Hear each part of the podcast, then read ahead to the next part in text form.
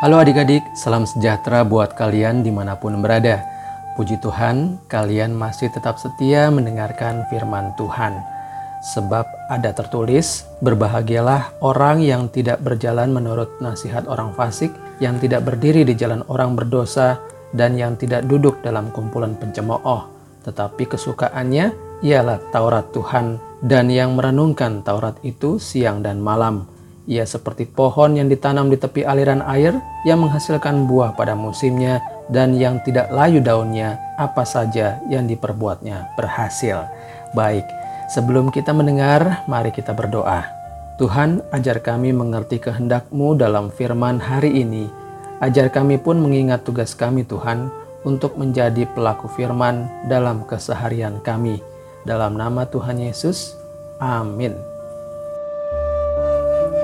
Baik adik-adik, bacaan kita pada hari ini diambil dari 2 Timotius 4 ayat 8. 2 Timotius 4 ayat 8. Sekarang telah tersedia bagiku mahkota kebenaran yang akan dikaruniakan kepadaku oleh Tuhan, hakim yang adil pada harinya, tetapi bukan hanya kepadaku, melainkan juga kepada semua orang yang merindukan kedatangannya.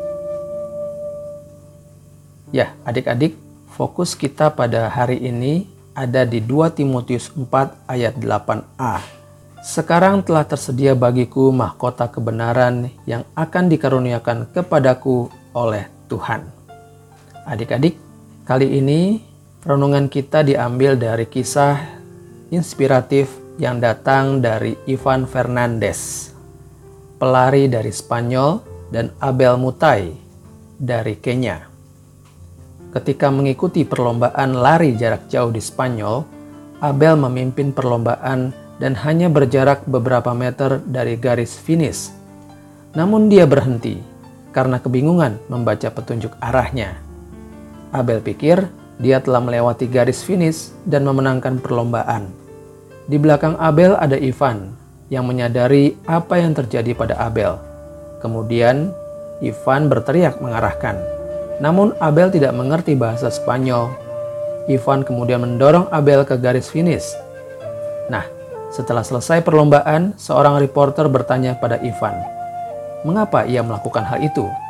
Ivan bisa saja menyalip Abel dan menjadi juara.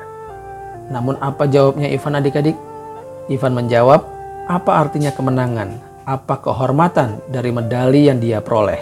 Dan apa yang akan ibunya katakan jika dia memenangkan pertandingan karena memanfaatkan ketidaktahuan Abel Mutai. Ya, adik-adik, perbuatan yang dicontohkan oleh Ivan adalah salah satu perbuatan jujur yang layak kita tiru.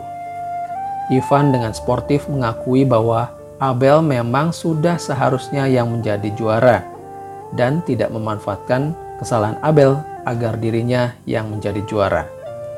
Namun berbeda dengan kisah kematian dan kebangkitan Kristus para imam kepala memilih untuk menyebarkan kebohongan daripada berkata jujur.